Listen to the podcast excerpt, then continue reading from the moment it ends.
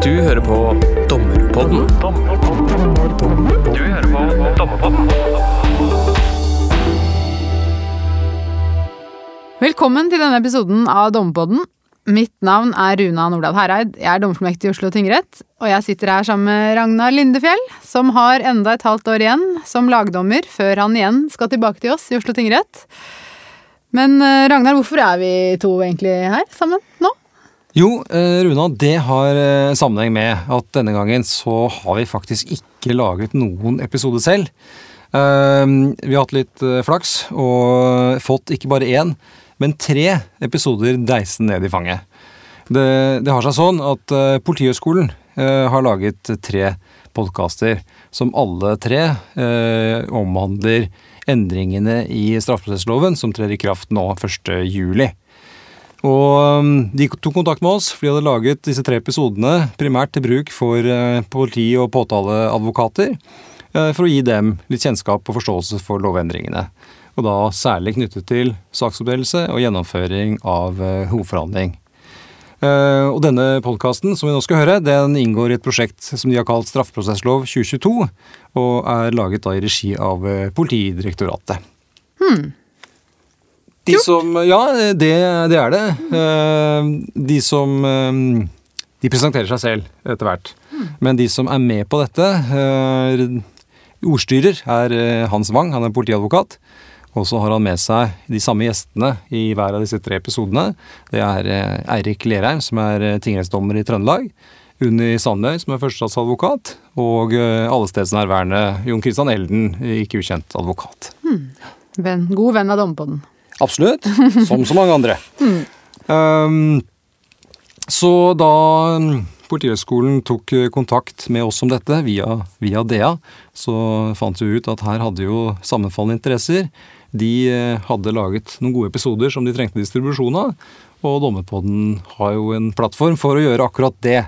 Så når i tillegg temaet selvfølgelig er høyaktuelt for, eh, for oss dommere, og da vi hørte på episoden og hørte at dette her var jo ordentlig bra greier, så var resultatet gitt. Så da publiserer vi rett og slett eh, som en sommergave til lytterne eh, disse tre episodene separat. separat. Og det dere nå skal høre, det er del to av disse tre episodene. Eh, Ragnar, hva er det den handler om? Eh, Den eh, handler egentlig om eh, det samme som episode én, men fortsetter der hvor episode én slapp, og, og fortsetter da eh, å snakke om forholdet mellom eh, retten, påtalemyndigheten, forsvarer og, og bistandsadvokat i, i saksoppdelelsen fram mot eh, hovedforhandling. Nettopp. Da hører vi den.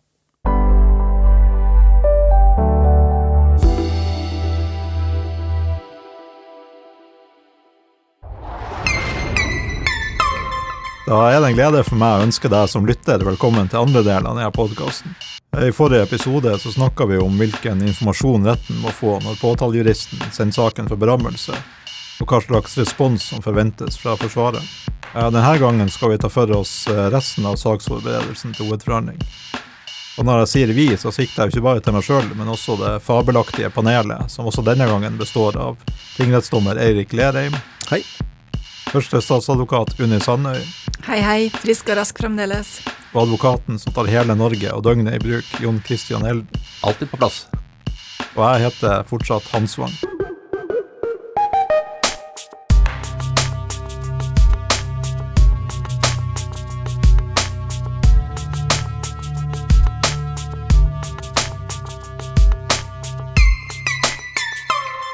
Ja, nå har påtalejuristen sendt inn det hun skal, og forsvarer har levert tilsvaret sitt. Og for å bruke den metoden som vi nordlendinger har når vi ønsker fremdrift i historien. Hva som skjedde så, Eirik?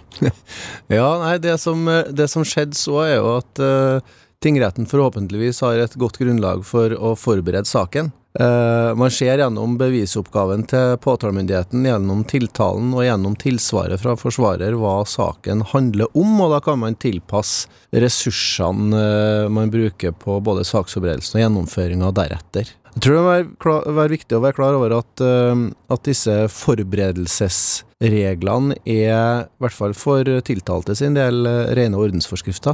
Tiltalte er på ingen måte, som Jon Christian også var inne på, eh, ingen, på ingen måte bundet uh, av de standpunktene som vedkommende tilkjennegir i tilsvaret, hvis man i det hele tatt inngir tilsvar, fordi at det, det vil jo ikke ha noen rettslig konsekvens for, for tiltalte at, at det ikke blir inngitt tilsvar.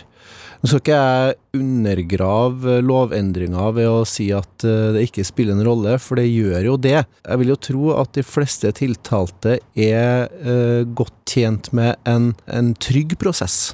Eh, jeg tror veldig mye av, eh, av eh, lovendringa og det som, er, det som er hensikten bak lovendringa, har jo lovgiver gitt uttrykk for gjennom en av lovbestemmelsene hvor hvor man da skal legge til rette for en eh, forsvarlig, og det fremheves jo først, en forsvarlig prosess eh, som skal være konsentrert, og så skal den være effektiv. Dette effektivitetselementet eh, må jo aldri gå på bekostning av, av forsvarligheten. Og til alt overmål så har jo lovgiver også i, eh, i eh, denne bestemmelsen gitt uttrykk for at man skal legge til rette for for riktige avgjørelser, og det er jo ikke direkte oppsiktsvekkende eh, at man, at man forsøker å legge opp til det i straffesaker, men jeg syns det, det, er veldig nyttig og viktig og, og, nærmest daglig, vi som holder på med å jobbe med det her, at vi nærmest daglig minner oss på at det er jo det det, er jo det, det handler om. Altså at avgjørelsene skal bli riktig. Mye stress hvis vi skal fokusere på det også. ja. ja, det er mye man skal tenke på. Ja, det er det. Men det er saksforberedende møte som, eh, som lovendringa snakker om Erik, dere har jo, som du var inne på innledningsvis, en del erfaring i Trøndelag tingrett med saksforberedende møter. Blant annet så er det vel alle saker som varer i tre dager eller mer, skal det vel være saksforberedende møte. Ser dere noen effekt av det? Er det, er det et hyggelig kaffeslabberas, eller er det faktisk ressursbesparende for, for saken? Eh, det er et hyggelig møte som er ressursbesparende, eh, og i eh, forbindelse med denne pandemien som vi har som vi er i ferd med å gjennomleve, da, så har vi jo faktisk innført saksforberedende møter i alle straffesaker. Altså, vi har ti minutter samtale med forsvarer og aktor, og gjerne bistandsadvokat, fra, fra ti minutter til en halvtime i alle straffesaker en par uker før saken. Uh, og det vi ser da, er at uh, da åpner folk saken. Da, da, går aktor inn i den bevisoppgaven som vedkommende hadde laga for et par måneder siden. Uh, eller så lang berammelsestid har vi faktisk ikke i Trøndelag. Men det, det, ligger vel på det jevne på tre til fire uker, vil jeg tro. Men altså, i hvert fall, man, man, har da mulighet til å gå inn i bevisoppgaven, og, og, og man har mulighet til å, å, snakke med forsvareren, som ideelt sett har snakka med tiltalte, og ideelt sett så har også tiltalte fortalt hva vedkommende kommer til å si i retten eh, om, om skyldspørsmålet. Eh, og da sparer vi gjerne jevnt over én eh, til to timer i hovedforhandlinga gjennom de ti minuttene vi, vi bruker på, på forberedelsesmøte. Ofte så opplever vi også at uh, det ender opp med, med tilståelsesdommer gjennom at uh, man tilpasser siktelsen. Jeg tenker også at, uh, at det er viktig for forberedende dommer å, å opprettholde muligheten som den sikta har til å ha offentlig forsvarer, der man konverterer en sak fra en, en tiltalebeslutning til en tilståelsesdom. Uh, sånn, at, uh, sånn at uh, den sikta ikke får noe altså tap i posisjonen. Det tror jeg er viktig å, å ha med seg. Så det er svaret på spørsmålet ditt. ja, det, det er nyttig. Nå må jeg bare for, for uh, dramaturgiens skyld late seg overraska over at det tar så kort tid, i og med at jeg, det er den domstolen jeg faktisk forholder meg til i det, i det daglige. Men et møte på ti minutter kan altså føre til store besparelser. Ja. Det gjør det. Uh, og vi har jo stort sett ikke mer tid heller, for vi starter jo kvart over åtte med disse møtene, og de fleste av oss skal være i retten klokka ni. Så vi må jo vi må rekke det. Så, og jeg tenker at det å, det å, sette av for mye tid til sånne møter, det, det er jo nødvendig i store saker. Uh, da har vi jo både ett og to og tre forberedende møter, men, men i de små sakene, ti minutter, det er veldig mye gjort. Så fremt folk har gjort forberedelsene sine, og det opplever vi jo at ø, folk kjenner våre forventninger. Eh, vi, vi, opererer jo stort sett med de samme aktørene, men så hender det seg at sånne som Jan Christian tar turen nordover, da. Og, men, men uh, han virker også godt forberedt på at retten lurer på hva det er som skal skje. Det er det som er ulempen at dere er blitt så effektive. At de møtene som ikke er rettsmøter, de begynner så fryktelig tidlig. Men eh, det må vi bare, må vi bare finne oss i. Ja, ikke bare skal vi finne oss i det. Vi syns det er veldig positivt, det som Trøndelag tingrett har eh, satt i gang, og har hatt nå i eh, hvert fall et års tid. Og vi opplever at eh, dommeren er godt forberedt. Vi har alltid i påtalemyndigheten sett på saken selvfølgelig før møtet, eh, og vi tvinger på den måten her og forsvarerne til å ha dialog med klientene sine. For det merker vi jo, det er stor forskjell på de saksforberedende møtene og effekten av dem, hvor forsvareren har hatt dialog med klienten sin i forkant, eller hvor han på hvert eneste, eneste punkt i agendaen må si at det må han snakke med klienten sin om, og komme tilbake til. Sånn at her eh, tenker jeg at vi må dra lasset sammen, alle sammen fremover, for at vi skal få en god effekt ut av det her. Og så er det viktig, det som en Eirik eh, avslutta med, at uh, timinuttersmøter, eller et kvartersmøter, er helt super i de små straffesakene. Og så må det være rom for de større møtene med en mer fastsatt agenda og bedre forberedelse fra aktørene i de større sakene, både ett, to og tre. Og det tenker jeg påligger påtalemyndigheten å ta stilling til allerede når vi sender inn saken. Vi sier litt om hva slags forberedende møte vi tenker den saken her krever, og på hvilket tidspunkt i saksforberedelsen møtet skal være. For det kan variere en del. I en del saker er det helt naturlig at det er tidlig, fordi at man ønsker en avklaring av spørsmål som er viktig inn i skal jeg si, ikke minst fastsettelsen av hvor stor saken skal være, hvor mange dager den trenger å berammes på. Og det å ha saksforberedende møte og tvinge frem en avklaring fra forsvarers side på den måten, selvfølgelig med respekt for den rollen som forsvarer har, eh, det er alle tjent med. Ja, Forsvarer kan jo komme inn og bør komme inn så tidlig som mulig, men jeg er for eksempel også fast forsvarer. Og som fast forsvarer så får vi jo en del såkalte tildelingssaker. Eh, tildelingssakene er jo gjerne personer som ikke på en måte er så lett å nå, eh, og som kanskje ikke selv er så veldig opptatt av hvem de har forsvarer eller hva de har. Altså, du får ikke kontakt med vedkommende, akkurat som politiet ikke greier å stevne vedkommende. Eh, og jeg skal gjerne ta saksberedende møte også i de sakene, men det ligger jo i kortene at jeg kan jo ikke si, binde klienten på en annen måte. Altså Utgangspunktet mitt for å gå i det møtet er at jeg har lest politisakens dokumenter. Og eventuelt tenkt noe selv på, på tilleggsbevis først og sånn og sånn. Eh, men lenger i det kommer du ikke i mål med, med, den type saker. Men i saker hvor du har såpass oppegående klienter at de på en måte har i hvert fall valgt deg som advokat og holder kontakt med deg som advokat, eh, så er det jo pukka nødt til å ta kontakt med vedkommende så tidlig som mulig. Det har jo altså saken, eh, alt å tjene på. Eh, du får inn saken med politiet, du tar et møte med klienten. Du på en måte får lagt tankene, eh, sett litt hvor, hvor trekker skoen, hvor skal man gå videre, hva trenger man bevisførsel på.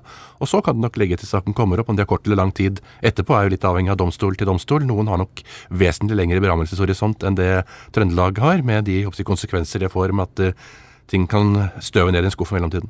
Så tenker du vel at alle klienter som velger deg, må være oppegående? Det er helt åpenbart. ja. Jeg tror mange, mange som bare har hørt litt om de lovendringene, tenker at det her er noe for de store sakene. Så det er veldig interessant å høre at eh, selv en, eh, selv en sak på en dag kan bli mer effektiv med at man setter av noen få minutter tidligere. Jeg har hatt mange sånne saker som er nettopp, som Herrik sier at vi har gått dem til. Eh, og også fått dem flyttet over fra en hovedforhandling med å bevisføre nokså åpenbare temaer som man egentlig er enige om. Eh, til å også gå ned til tilståelsesdommer. Det kan være at man får si til aktor ok, den og den og den posten i tiltalen er grunnen kurant og greit, den og den er ikke. Men der er også bevisen din litt dårlig. Du har sånne og sånne punkter å gå på. Jeg har faktisk noen poenger. Eh, og det er ikke sjelden at de ender med at ok, da blir de to siste postene i tiltalen de blir henlagt uh, mer eller mindre der og da, og resten går som en tilståelsesdom. Uh, og det er nok viktig at forsvareren er med i det videre løpet. Eh, det tar ikke mye tid, men det er litt å leie klienten gjennom, at klienten føler at måte, du, vedkommende blir fulgt opp hele veien. Det er ganske rart i noen saker hvor du har vært, eller er oppnevnt som forsvarer i en tiltale, du har et møte med klienten og snakker sånn og sånn, og så gjør man opp tilståelsesdom og sier retten ja, nå har du ikke forsvarer lenger. Det er, liksom, hva, hva skjedde nå, ikke sant? Altså, nå skal jeg liksom gå inn i, over målstreken, og da blir jeg fratatt forsvareren min av en eller annen prosessuell grunn. Da, da risikerer du plutselig at nei, dette vil jeg ikke, dette tør jeg ikke likevel. Så det er for rettsvesenet ganske lurt å bare la den gå som den går.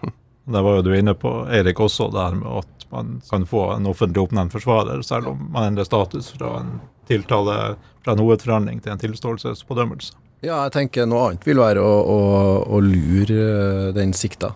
Du skal passere målstreken med forsvareren din. Eh, jeg tenker også å plukke, tak, plukke opp et av de poengene som Jon Kristian er inne på her, at at, eh, at saken kan gås til eh, ved at man, eh, man, fjerner noen av siktelsespunktene. Jeg tror ikke man skal være så, så, redd for å erkjenne at det kan være effektiv straffesaks, effektivt straffesaksarbeid å, og henlegge saker som påtalemyndigheten, til tross for at påtalemyndigheten mener at, at de er bevist. Eh, det ser man jo i, i disse prosessøkonomiske påtaletillatelsene, at, at, man legger bort saker som ikke, eh, som ikke er av betydning. Da. Eh, samtidig så tror jeg man skal være klar over at det å det å bruke prosessøkonomiske påtaletillatelser innebærer jo faktisk at man konstaterer skyld. Uh, sånn at uh, man må kanskje finne andre uh, måter å henlegge på hvis man skal, hvis man skal overholde, overholde forpliktelsene overfor den sikta også. Personlig så merker jeg jo at den iveren etter å få til en tilståelsesbedømmelse fra uh, forsvarersida øker litt etter at jeg faktisk har tatt ut en tiltalebeslutning. At jeg starter en, en dialog som er litt mer effektiv enn en forut for, for det. Eh, er det noe med, med, lovendringen for øvrig som gjør at saksforberedende møte blir mer aktuelt enn det har vært, eh, det har vært eh, til nå? Ja, Lovendringa forutsetter jo at normalordninga er at man skal ha saksforberedende møter. Samtidig så, så sier lovendringa at det gjerne skal skje i de, i de store og mer alvorlige saker. Og der der tenker jeg at, eh, at uh, kanskje uh, avstanden fra stortingskorridorene og ned til rettssalene er litt for stor. Jeg tror ikke man har, man helt sett for seg at, uh, at dette her egentlig ikke er, ganske, ikke er så mye arbeid. Det er, en, det, er et telefonmøte. Som, som, hvor alle involverte kjenner regien på forhånd. Eh, så jeg tror, jeg tror, trygt at lovgiver kan ha eh, forventninger til at dette her blir, i hvert fall i vår domstol, gjennomført eh, på, i alle saker. Jeg tenkte konkret på, på det her med bevisavskjæringsreglene. For de er jo, de jo endra, eller blir endra fra, fra lovendringa trer i kraft. Er det større rom nå, altså etter lovendringen, å ta stilling til bevisavskjæring i et saksforberedende møte, sånn at man slipper å bruke tid på det i hovedforhandling? Ja, eh, rent språklig så, så innebærer jo lovendringa en, eh, en, endring i bevisavskjæringsadgangen. Eh, men det er jo bare bevis som, som mangler beviskraft. Jeg vil jo si at det er det er vanskelig å se for seg en veldig effektiv håndheving av den bestemmelsen på saksforberedelsesstadiet, fordi at og og i hvert fall hvis man har en tvist om det. Eh, hvis, eh, hvis påtalemyndigheten mener at et bevis ikke har beviskraft, og, og forsvarer mener motsatte, eh, så tror jeg ikke at det vil være forbundet med ganske stor prosessuell risiko for domstolen å avskjære det beviset. Det, det tror jeg man Den, den vurderinga tror jeg man må la utstå til, til hovedforhandlinga. Så, så om, om, realiteten er at man får større avskjæringsadgang, det, det er jeg litt usikker på. Og det er lurt at jeg plasserte det selve temaet bevisavskjæring under hovedforhandlinga i denne podkasten. Jon Christian? Jeg, jeg, tror nok at den er litt slag ut i luften. Eh, fordi at For det første så er det nesten umulig for en dommer å ta stilling til det. fleste tilfeller vil dommeren si at eh, ok, jeg får heller høre på det, bruke mye kortere tid. Eh, risikoen for at man får en anke etter en avskjæring som i et sak som med fellende dom, er også ganske stor. Eh, og da har man en ankegrunn precis som kanskje var unødvendig. Eh, det er en menneskerettighet å kunne føre bevis. Eh, det skal altså mye til for å avskjære bevis. Men det som er paradokset, er jo at jeg tror ikke du sparer så mye tid på det. Det er veldig sjelden at forsvarerne har så veldig lang bevisførsel. Selv i de lange og omfattende sakene kan sitte i retten i flere måneder, og så har forsvareren to-tre dager på slutten som er liksom forsvarers bevisførsel. Og hvor ofte ser du at eh, domstolen bruker 292 mot påtalemyndigheten? Eh, det tror jeg er ganske sjelden. Fordi at man tenker liksom at ja ja, men dette her er jo sikkert gjennomtenkt, liksom. Hva det ikke er for forsvarers side, jeg vet ikke om det er antitesen, men det skal jeg ikke si noe mer om. Eh, men poenget er i hvert fall at det er ikke gitt at det er så gjennomtenkt fra påtalemyndigheten ved at man har satt seg i dommerens hode. Og tenker hva har dommeren i denne saken bruk for? Altså hva er beviskraftdelen? Så jeg tenker at uh, dommerne, med de bevisoppgavene som nå kommer, med dokumentutdrag på forhånd, bør kunne være mye flinkere til å bruke bestemmelsen til å avskjære bevis fra påtalemyndigheten. Det er ikke menneskerettsstridig på noen som helst måte heller. Så hvis man på en måte bare har det i mente, at uh, det er ikke en bestemmelse som er innført for å redusere den tiltaltes adgang til å føre bevis, men det er en bestemmelse som er innført for at dommerne skal kunne tilskjære saken mer til hva som er nødvendig for å skrive en dom. Jeg tror du kan legge til grunn at uh, påtalemyndigheten nå kommer til å bruke den, eller påberope seg den bestemmelsen med varsomhet. Vi ønsker jo på ingen måte saksbehandlingsfeil, eller mulige saksbehandlingsfeil allerede på det tidspunktet her, før vi overhodet har starta med saken. Så ja, en liten påminnelse er det for alle sammen til å foreta en eh, litt nitidig kontroll av bevistilbudet vårt. Og sette litt spørsmålstegn med den. Det er vi nok tjent med. Men bevisavskjæring på et tidspunkt her, vær varsom. Vi skal som sagt komme tilbake til det under eh, bevisavskjæringsreglene under eh, overskrifta hovedforhandling. Noe annet som er innført, er det som blir kalt en skriftlig redegjørelse som eh, retten kan be om, be påtalemyndigheten om når de finner behov for det. Eirik, hva kan en sånn skriftlig redegjørelse gi retten? Nei, altså, eh, Adgangen er jo i og for seg ikke helt ny. Eh, den har jo alltid vært der, men, men i lovforarbeidene så er det gitt uttrykk for at man skal utvide bruken av det. Og redegjørelse jo, vil jo fort være, være informasjon som som tilsvarer den man, man, finner i et godt innledningsforedrag.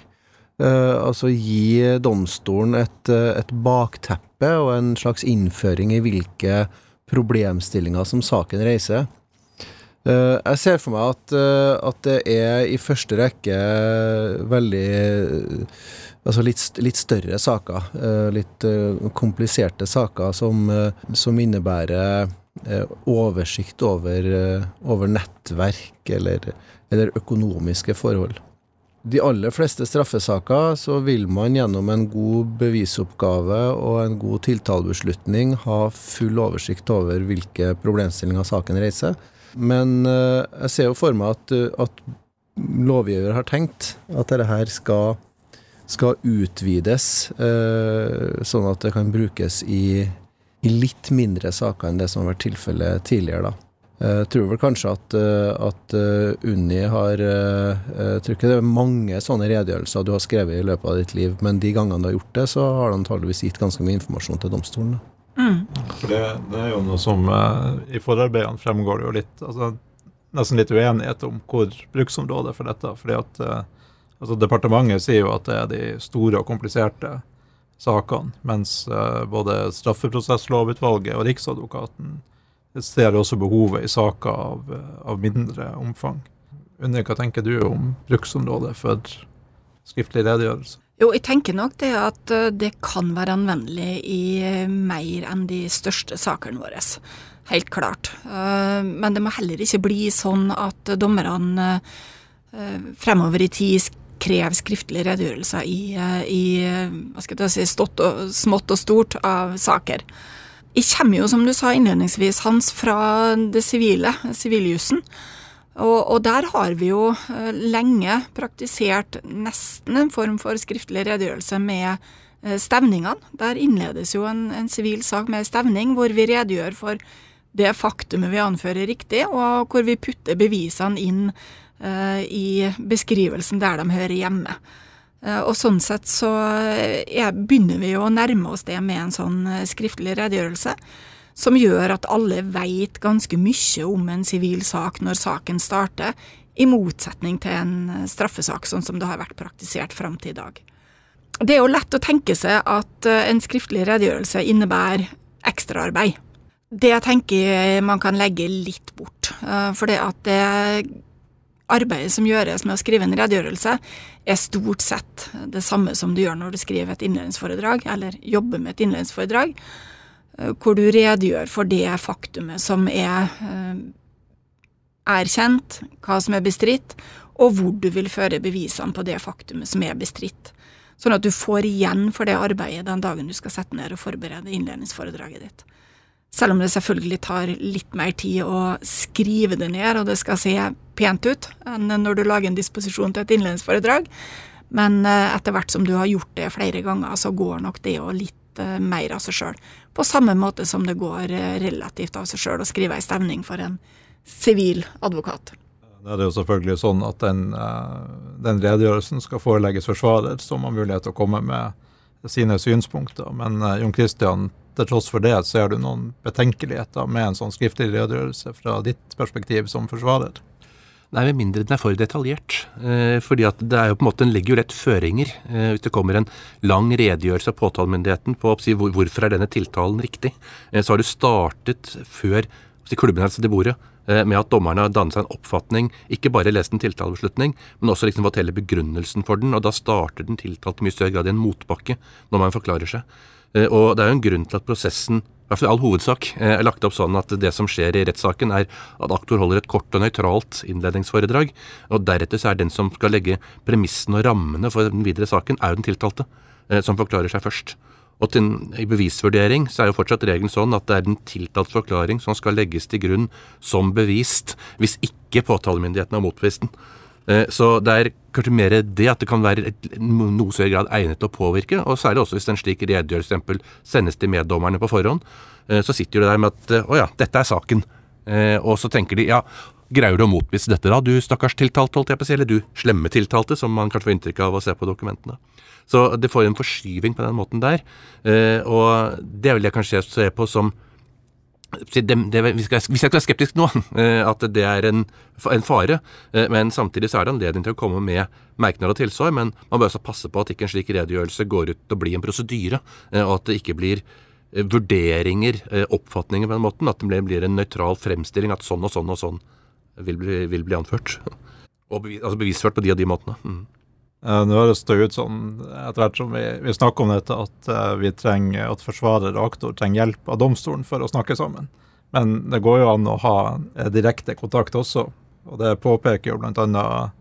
Riksadvokaten i oppsummeringa fra statsadvokatmøtet dere hadde under. Ble det fysisk denne gangen?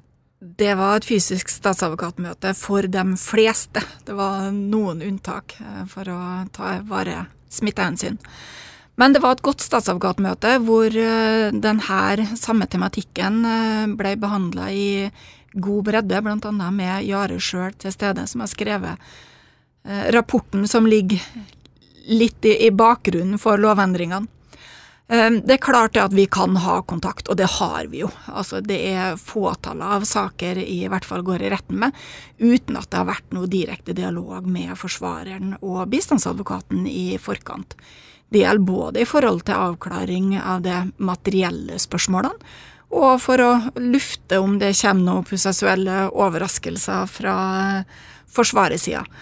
Og så er det selvfølgelig òg i den dialogen der viktig at vi har et godt samarbeid, men at vi òg har respekt for de ulike rollene våre.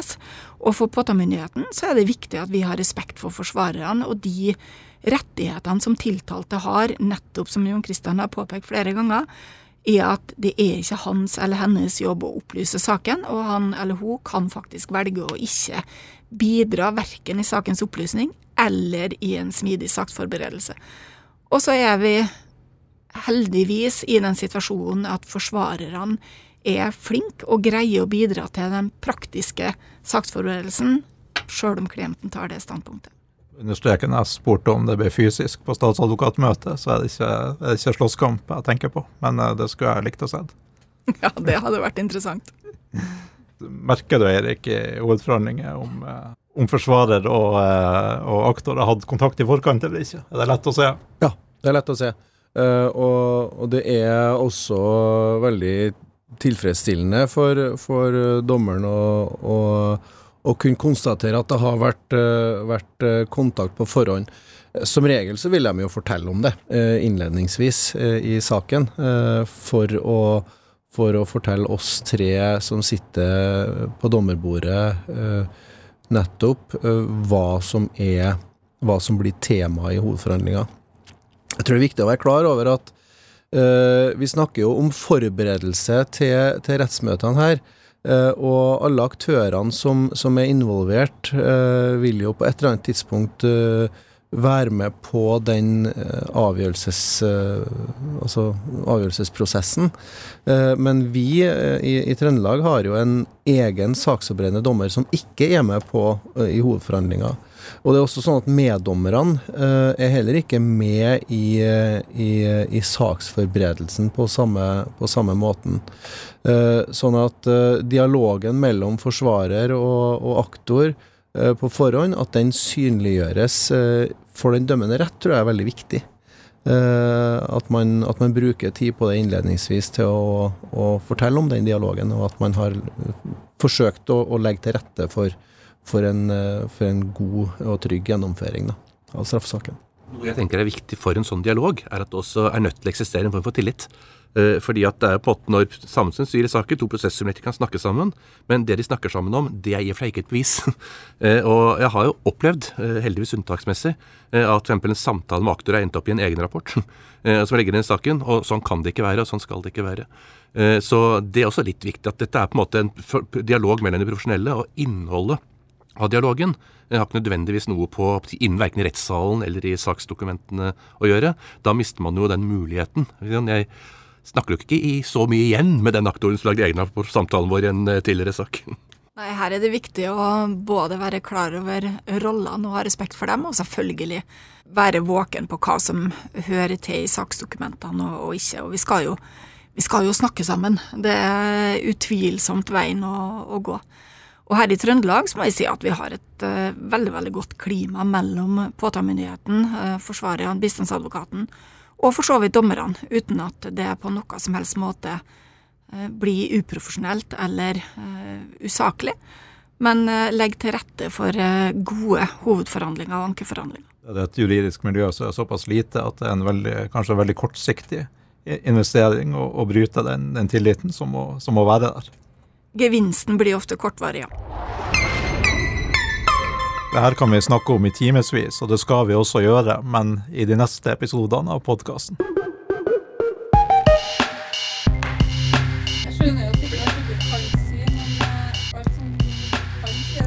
Eh,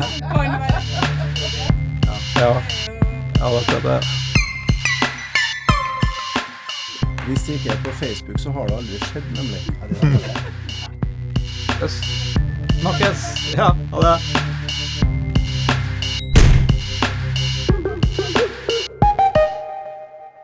Du har lyttet til en episode av Dommepodden. denne gangen levert av våre venner hos eh, Politihøgskolen. Eh, etter dette tar vi i redaksjonen sommerferie. Det gjør vi, Runa. Det gleder vi oss til. Og redaksjonen benytter anledningen til å ønske alle våre lyttere en varm og god sommer uten prosessuelle hindre av noe slag. Du har hørt på Dommepodden. Dommepodden er en podkast fra Norges domstoler og er først og fremst ment som et kompetansetiltak for dommere. Hvis du har ris, ros, forslag til temaer eller folk vi kan prate med, så er vi glad for å høre fra deg, og da kan vi nås på podkast at domstol.no. Ha en god dømmende hverdag så lenge. Vi høres.